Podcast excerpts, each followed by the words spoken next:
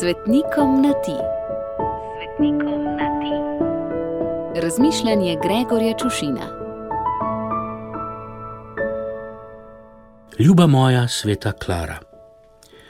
Po svoje je, glede na to, da si se umaknila v samostansko samoto in za sabo zaprla vrata, kar malo hecno, da si ena najbolj znanih in razupitih svetnic. In ko rečem razupitih, s tem ne mislim nič slabega. Hočem povedati le, da se je o tebi precej govorilo in se še govori, in da ti je popularnost z leti samo še zrasla. Kot je z leti zraslo nebroj samostanov, v katerih po redovnih pravilih, ki si jih sestavila, še vedno odmeva molitev in petje klaris. Ja, redu nisi dala samo pravil, ampak tudi ime. In ker so o tebi pisali tako crkveni kot svetni zgodovinari, ker je o tebi spisanih kar nekaj romanov in posnetih kar nekaj filmov, in o tebi tako rekoč res čisto vsi vsaj nekaj vedo, se bom s teboj raje menil o čem takem, kar ni znano čisto vsem. Recimo o tem, da si zavetnica televizije. Ker si na svoj zadnji zemeljski sveti večer, ko si obležala v bolniški posteli, nadaljavo spremljala in doživljala obrede iz cerkve ker si jih videla, kot da si tam, ker si jih gledala, kot jih mi danes gledamo po televiziji. Ko so zaradi koronavirusa cerkve zaprte, ali pa je število udeležencev, kot smo v tem letu pojmenovali, mašno občestvo, omejeno zgolj na nekaj ljudi. Morda so na te, ljuba sveta Klara, mislili naši škofje, ko so dovolili maše po televiziji, prepovedali pa one, ki se prenašajo po spletu.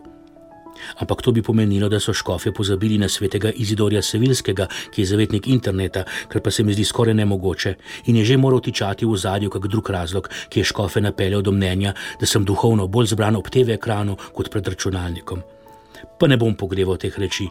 Pripomnil bom le, da je to spet eden od ovinkov božje duhovitosti, ko klauzuri zavezano nuno, ki se odpove svetu, postavi za zavetnico nečemu tako posvetnemu in pogrošnemu, kot so naši TV programi.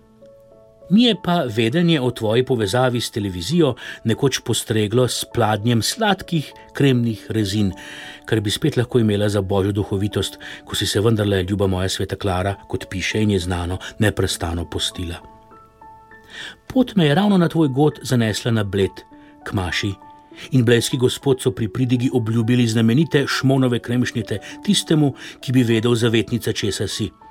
In ker se nihče drug ni javil, sem stegnil jezik blejski gospod pa so na veliko veselje mojih otrok obljubo držali.